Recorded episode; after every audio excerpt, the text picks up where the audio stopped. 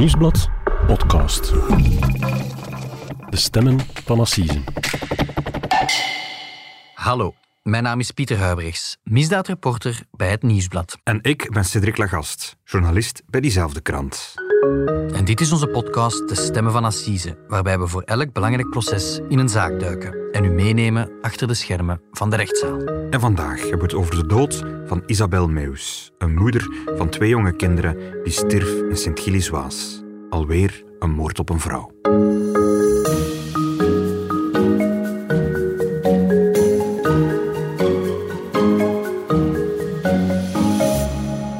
Dag Cedric. Dag Pieters. Cedric, welkom hier wederom in onze vertrouwde studio in Antwerpen. Dankjewel. Uh, waar we het opnieuw zullen hebben over een, een actuele rechtszaak. Hè. Uh, Maar deze keer gaan we toch een klein beetje anders doen. We gaan voor één keer afwijken van ons vaste stramien. We gaan het hebben over een assisezaak, uh, meer bepaald in Gent, die deze week al gepleit is in de Ja. rechtszaak. Ehm, we gaan voor één keer dus ook het arrest van de assisezaak eens kunnen meegeven, wat natuurlijk ook een meevaller is. Correct. We gaan het hebben over een zaak die dus eh, afgelopen maandag gestart is in de Assisezaal van Oost-Vlaanderen. Eh, daar is een hele week over gepleit. Eh, en eigenlijk liep die zaak samen met de zaak over de wonderbodemmoord. Hè. De zaak waar we het in onze vorige podcast over hadden. Onze collega Mark Cliffman heeft die zaak voor ons gevolgd. En opvallend, wij gaan naar Gent en dat gaat ook over de dood van een vrouw. Namelijk over de dood van Isabel Meus uit Sint-Gilles-Waas. Mhm. Ik las het vorige week nog heel groot in onze krant, eh, dat er dit jaar ontstellend veel vrouwen het slachtoffer geworden zijn van een moord. Liefst 22 vrouwen, las ik. Ja, feminicides, zo heet dat in het eh, criminologische jargon. En ik, ik vrees dat dat zelfs geen piek is, hè, want eh, het is een blog die die cijfers bijhoudt. En vorig jaar waren er ook al 22 gevallen, het jaar ervoor zelfs 27. Het is gewoon telkens weer een ontstellend hoog cijfer. Zit er dan een, een constante in? Het, het zal je niet verbazen dat de daders vaak mannen zijn. En meer nog, in heel, heel veel gevallen eh, is, is de dader gewoon de partner van de vrouw. Het gaat heel vaak om, om partnergeweld. En volgens experts is het niet zomaar het gegeven dat het gaat om persoon A die door persoon B om het leven is gebracht en die hebben toevallig een verschillend geslacht. Nee, het gaat om een, een maatschappelijk fenomeen, een doelbewust fenomeen waarbij dat vrouwen vaak het slachtoffer worden van geweld door een partner. En ja, dat komt voor een stuk omdat we uit een samenleving komen waarin dat partnergeweld vroeger niet ernstig werd genomen. Hè. Daar werd over gezwegen. Buren zagen soms dat er ruzie was binnen een koppel en de gordijntjes gingen dicht. Daar moest over gezwegen worden. Dat was een privézaak. En dat creëert dan situaties waarbij dat geweld makkelijk leidt tot moord. Hè. Ja, moet ons gerecht dan niet veel sneller ingrijpen, Cedric? Nu, er, is de afgelopen jaren al veel veranderd. Hè. Politie en justitie die treden nu wel vaak op. Er worden effectief ook mannen veroordeeld voor partnergeweld. Er wordt ook preventief opgetreden. Er zijn ondertussen vertrouwenscentra voor slachtoffers van, van familiaal geweld. En het parket kan nu zelfs uh, een tijdelijk huisverbod opleggen uh, aan daders van familiaal geweld. Dat wil zeggen dat een man die zijn vrouw mishandelt, die kan door het gerecht uit zijn huis gezet worden en die krijgt het verbod om nog in zijn eigen huis binnen te gaan. En justitieminister van Quickenborne die wil de strafwet veranderen.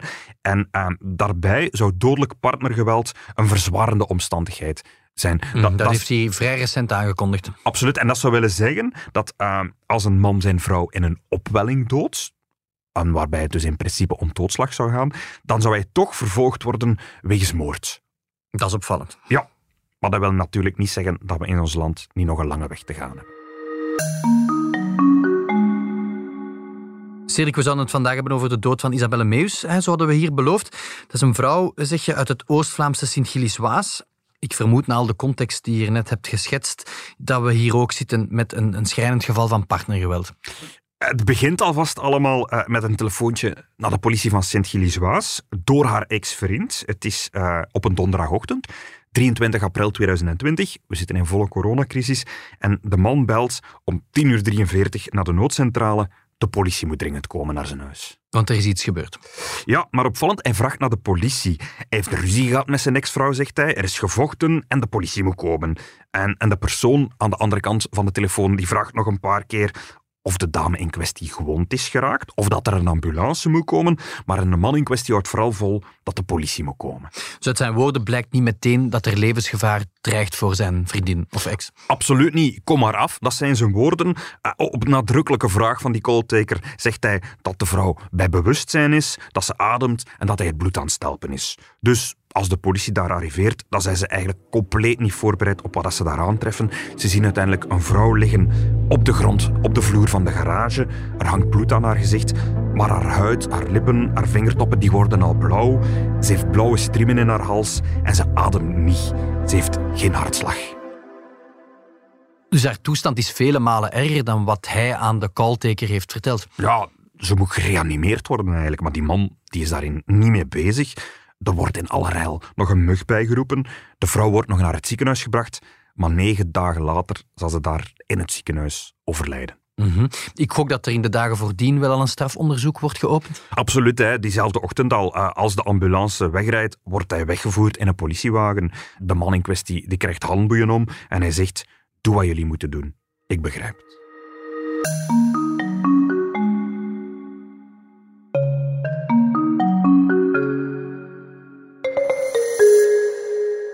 De vrouw die daar zo onfortuinlijk aan haar einde is gekomen, Cedric, is eh, Isabelle Meus, hè, begrijp ik. Ja. Jonge moeder, ehm, de plek waar dat gebeurt, dat is haar thuis, neem ik aan. Nee, het, het huis in Sint-Gilles-Waas waar het zich allemaal afspeelt, is eigenlijk het huis van haar ex-vriend, de vader van haar twee kinderen. Of eigenlijk, het, is het huis van zijn moeder, want de, want de man woont bij zijn moeder in. We zijn in een rustige woonwijk, een doodlopende straat eigenlijk, een vrij bescheiden, eh, vrijstaande woning met bloemen in de voortuin, een oprit en een garage. En Isabel Meus moet daar eigenlijk zijn om haar kinderen op te pikken. Mhm. De twee zijn al een tijdje uit elkaar en de kinderen bleven bij de vader. Ja, de twee hadden co-ouderschap op dat moment afgesproken.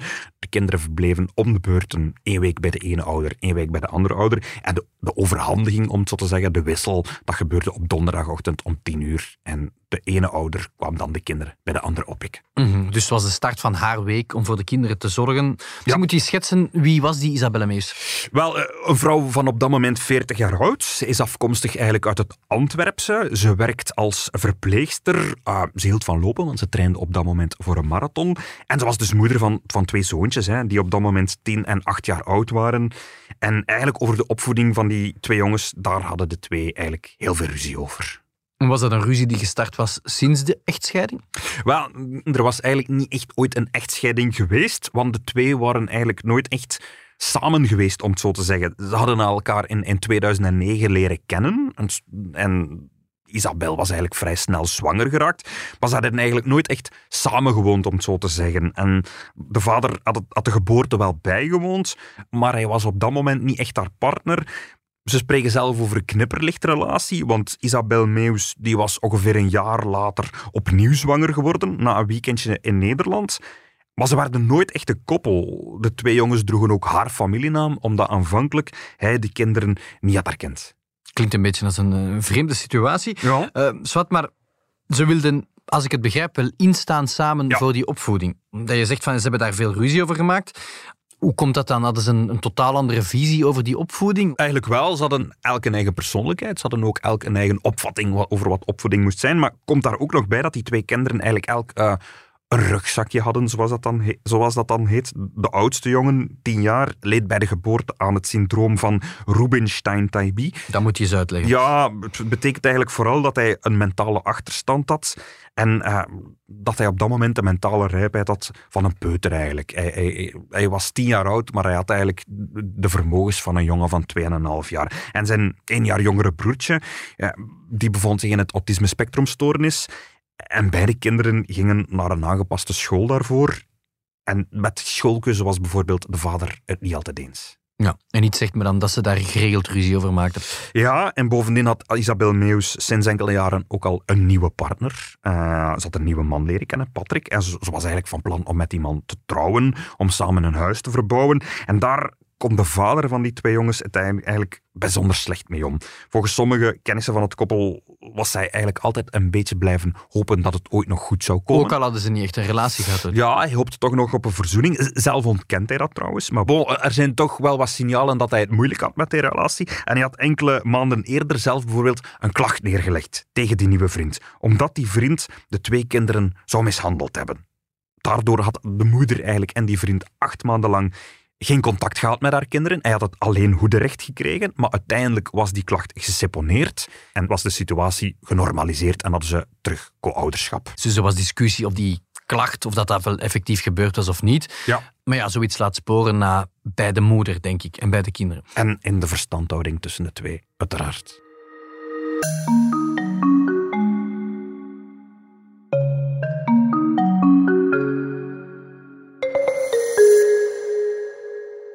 Cedric, intussen zijn we 2,5 jaar na de, de feiten en is er een assiseproces gestart de voorbije week in Gent. Ja. Met een beschuldigde, dus hè, de, de papa van de kindjes die terecht staat voor het zware geweld dat hij heeft gepleegd op het slachtoffer. Ja. Ehm, we weten eigenlijk nog heel weinig over de dader. Wie is die man?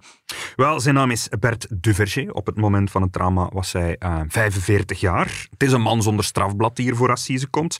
Hij is ook verpleger. Zo hebben ze elkaar leren kennen trouwens. Ze waren allebei verplegers, zijn elkaar op het werk tegengekomen. Hij werkt vooral als, als nachtverpleger.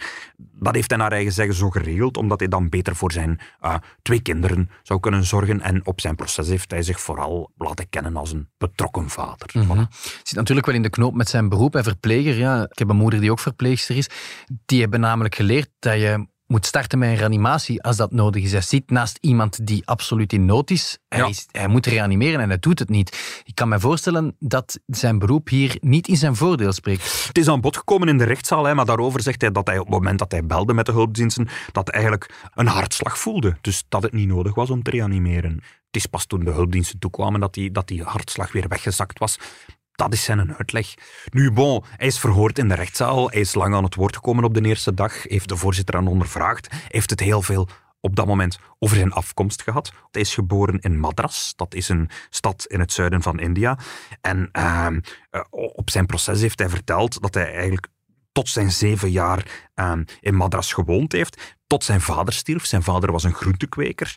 Uh, en na de dood van zijn vader is hij eigenlijk in een weeshuis beland en is daar gebleven uiteindelijk tot hij als zevenjarige door een alleenstaande Vlaamse vrouw geadopteerd is. En dan is zijn naam veranderd. Dan Ja, heeft hij een hij is- Belgische naam gekregen. Hij heeft een Vlaamse naam gekregen en hij ziet die vrouw ook als zijn moeder. Mhm. Belangrijk, Cedric, neem ons eens mee naar, naar die ochtend van die, ja, van die gruwelijke feiten. Wat verklaart hij daar zelf over? Volgens Duverger is Isabel Meus die dag om tien uur toegekomen. Ze heeft aangebeld, hij heeft de garagepoort opengedaan. Ze is binnengegaan naar de garagepoort en ze heeft zich daar op een bankje gezet. En ze hebben daar gepraat over wat de kinderen de afgelopen week gedaan hadden. En hij noemt dat de briefing. Mhm. Een beetje het, het vaste stramien bij de wissel van de wacht. Ja, dat was gebruikelijk, zegt hij. Ehm, ma- maar hij wilde op dat moment nog een probleem aankaarten, zegt hij. Want de oudste zoon, de jongen van tien jaar eh, met die handicap, die, die sliep bij Isabel eigenlijk in een vrij rudimentaire kamer. Hij had enkel een matras op de grond ehm, en voor de rest niks. Geen meubels, geen aankleding en de deur was nog afgesloten met een hekje. En er speelde altijd, volgens hem, heel luide muziek. Mhm. Klinkt niet meteen als een, een warme, fijne jongenskamer. Nee, maar voor alle duidelijkheid, achteraf zijn er ook getuigen geweest en die hebben verklaard dat dit eigenlijk voor de veiligheid van die jongen was. Want dat was dus eigenlijk een kleuter in het lichaam van een tienjarige en dat, dat was niet altijd zo makkelijk. Dat zorgde soms voor gevaarlijke situaties. En dat is eigenlijk niet echt als mishandeling aanzien. Dus hij, hij geeft daar een gekleurde weergave van, maar eigenlijk zijn er, oh, is er ook een arts geweest die eigenlijk zegt van ja, dat was het, het, het veiligheid van die jongen. Ehm, Maar hij ziet dat eigenlijk helemaal anders. hij ziet dat anders. Hij ziet dat zijn zoon opgesloten wordt in een kamer, dat- die jongen aan zijn lot wordt overgelaten. En, en die ochtend zou hij dus aan Isabel gevraagd hebben om dat niet meer te doen. Om, die jongen daar niet meer achter te laten met een tablet, eh, maar, maar om wat meer bezig te zijn eh, met zijn zoon. En Isabel Meus zou als reactie heel hard gelachen hebben. En daarop zou er bij hem iets geknapt zijn. Hij zegt in de rechtszaal, plots brak er iets in mij en heeft daar geslagen, heeft naar een touw gegrepen die daar in die, in garage hing en heeft daar gewurgd. En die aanleiding is, is, is het feit dat hij zich uitgelachen voelde. Ja, nu er is er ondertussen ook wel wat twijfel gerezen over zijn uitleg over dat gesprek. Eh, er zijn natuurlijk geen getuigen van. Hij is de enige die het kan vertellen. Maar, maar volgens zijn moeder zou, was het eigenlijk het plan dat hij die ochtend eh, een belangrijk gesprek zou hebben met Isabel Meus. Want Duverger wilde namelijk eh, dat zijn kinderen naar een andere school eh, zouden gaan. Dichterbij eh, is Sint-Niklaas eigenlijk. Hij had al een nieuwe school gevonden. Hij had dat al eerder voorgesteld, maar zij was het daar niet mee eens. En zelf zou zij ook aan een vriendin gezegd hebben dat zij die ochtend een belangrijk gesprek verwachtte, omdat hij had aangekondigd dat hij de strijdbijl wou begraven. Maar bon, dat is hem gevraagd en hij zegt nee, het was een, een heel gewone overgang, er was eigenlijk niks speciaals gepland. En hij blijft benadrukken dat het, dat lachen van Isabel bij hem iets getriggerd heeft. Ja, Mhm. het was een opwelling, zegt hij. Je zei daarnet dat hij bij zijn moeder inwoonde. Ja. Ehm, Ja, heeft die moeder dat drama niet zien aankomen? Wel, die vrouw was thuis. Net zoals de twee kinderen trouwens. Die zaten in het huis. Maar Duverger zegt dat hij de binnendeur naar de garage op slot had gedaan. Net om te verhinderen dat de kinderen naar buiten zouden lopen. Hij, hij wou een, rustig gesprek eh, met Isabel Meus. En zij zelf, die moeder, zegt dat ze niks gehoord heeft. Eh, de vrouw is 82 jaar en ze is hardhorig.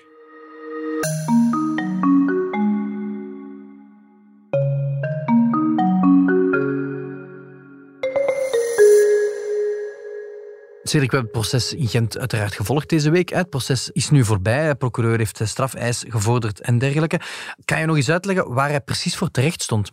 Bert Duverger werd vervolgd wegens moord. Dat wil zeggen dat het gerecht denkt dat hij de moord wel degelijk gepland had, dat het met voorbedachte raden is gebeurd en dat het niet in een opwelling is gebeurd, zoals hij zelf zegt, want anders zou het om doodslag gaan. Ik denk als je elke podcast van Stemmen van Assise zou herbeluisteren, Cedric, moord of doodslag, ja, daar is altijd discussie over op Assise. Hè. Dat is cruciaal naar strafeis toe, naar bestraffing. Hè. Was er voorbedachtheid? Ja, dan nee. Ja. Ehm, het is de taak van een advocaat om eerder richting die doodslag te werken, eh, denk ik. Ja, wie was de advocaat van Bert Duverger? Zijn advocaten waren de Antwerpse strafpleiter John Maas en zijn medepleiter Lieve Loods. John Maas die kennen we als de advocaat van Bart de Pauw natuurlijk. Uiteraard. En ook als advocaat van de familie van Julie van Espen. Ja, hele bekende Antwerpse strafpleiter. Hè. In tal van grote drugsdossiers ook. Eh, Zeker, Draait zeker. al eh, decennia mee. En ik begin over het proces van Julie van Espen, want op dat proces eh, stond meester Loods ook naast hem, aan zijn zijde. Maar ook aan de zijde van de burgerlijke partij zijn er enkele grote namen. Hè. Eh, Christian Clément bijvoorbeeld, hij is de advocaat eh, van seriemoordenaar Stéphane Dulion. Ook een van de, de reusgom-advocaten in heel de affaire van eh, Sandadia. Juist, eh, Nick Heijnen, die kennen we nog als advocaat eh, van op het proces over de Jeansbroekmoord in Leuven. Eh, en ook Walter Damen, ook een, eh, een advocaat die u heel vaak hier in de podcast aan bod komt. Ja, zeker. En vorige week nog eh, in Antwerpen op Assise, dacht ik. Absoluut, hij stond daar aan de zijde van een beschuldigde en met een zeer opmerkelijk resultaat, want die 29-jarige man, Brian Reyes del Rosario, die stond terecht voor moord. Die moest voor assise komen wegens moord. De jury heeft daar opzettelijke slagen en verwondingen van gemaakt. Ze hebben daar ook nog de uitlokking aan vastgekoppeld en heeft uiteindelijk geoordeeld dat twee jaar cel voldoende was voor die man. Toch een zeer opmerkelijk arrest. Wat natuurlijk vaak in, in zo'n slopende processen en slopende verhalen vergeten wordt, Cedric. ja, je zit met een moeder die om het leven is gebracht. Je zit met een vader die de komende jaren in de gevangenis zal moeten doorbrengen. Ja, hoe gaat het nu met die twee kinderen die achtergebleven zijn? De grootmoeder van de kinderen, de moeder van Isabel eigenlijk, heeft daar vorig jaar nog eh, over getuigd in onze krant. En ehm, de beide grootmoeders die zijn eigenlijk te oud om nog voor die kinderen te zorgen. We hebben daar straks gehoord, eh, die ene grootmoeder is 82 jaar. En ze verblijven eigenlijk allebei in twee aparte internaten in het Antwerpse. En de twee broers hebben eigenlijk nog bijzonder weinig contact met elkaar. En dat vindt die grootmoeder heel erg.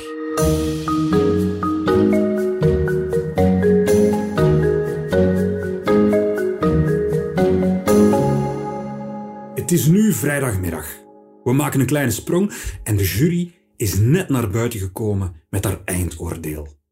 En het is wel degelijk een veroordeling wegens moord geworden, voorbedachte raden.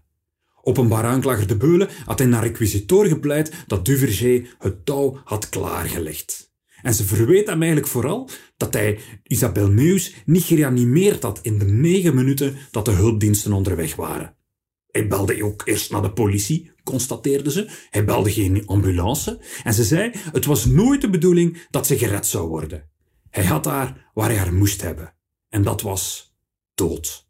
Zijn advocaat John Maas die probeerde nog wat tegengas te geven. Hij noemde die voorbedachtheid absurd. Maar de jury is de aanklager toch gevolgd. En Duverger, Duverger riskeerde dus levenslang. Maar het is uiteindelijk 24 jaar cel geworden. Dat is ook wat de aanklager gevraagd had. De jury zag nog een aantal verzachtende omstandigheden. Dat hij bijvoorbeeld tot zijn zeven jaar in een weeshuis in India had gezeten en dat dat zijn karakter heeft gevormd.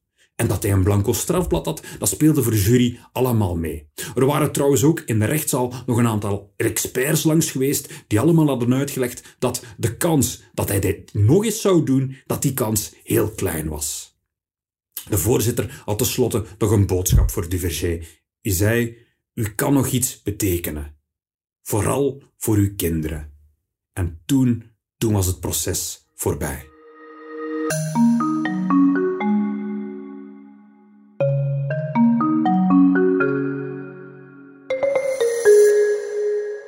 er rest mij enkel u nog te bedanken om, om dat hier allemaal in onze podcaststudio uiteen eh, te komen zetten. Niet onbelangrijk trouwens, uh, dit is onze allerlaatste aflevering van onze podcast uh, dit jaar. Want ja, net zoals de rechtbank, uh, Cedric, gaan wij ook even de deuren sluiten voor de kerstvakantie. maar dit is uiteraard geen eindpunt. Hè. We gaan volgend jaar in 2023 gewoon wekelijks door met een vaste wekelijkse afspraak met meer afleveringen van De Stemmen van Assise. Absoluut. Tot volgend jaar. Dit was De Stemmen van Assisen, een podcast van het Nieuwsblad. De stemmen waren deze week van Pieter Huibrechts en van mezelf, Cedric Lagast. De montage gebeurde door Benjamin Hertogs van House of Media en de productie was in goede handen bij Joni Keimolen en Bert Heijvaart.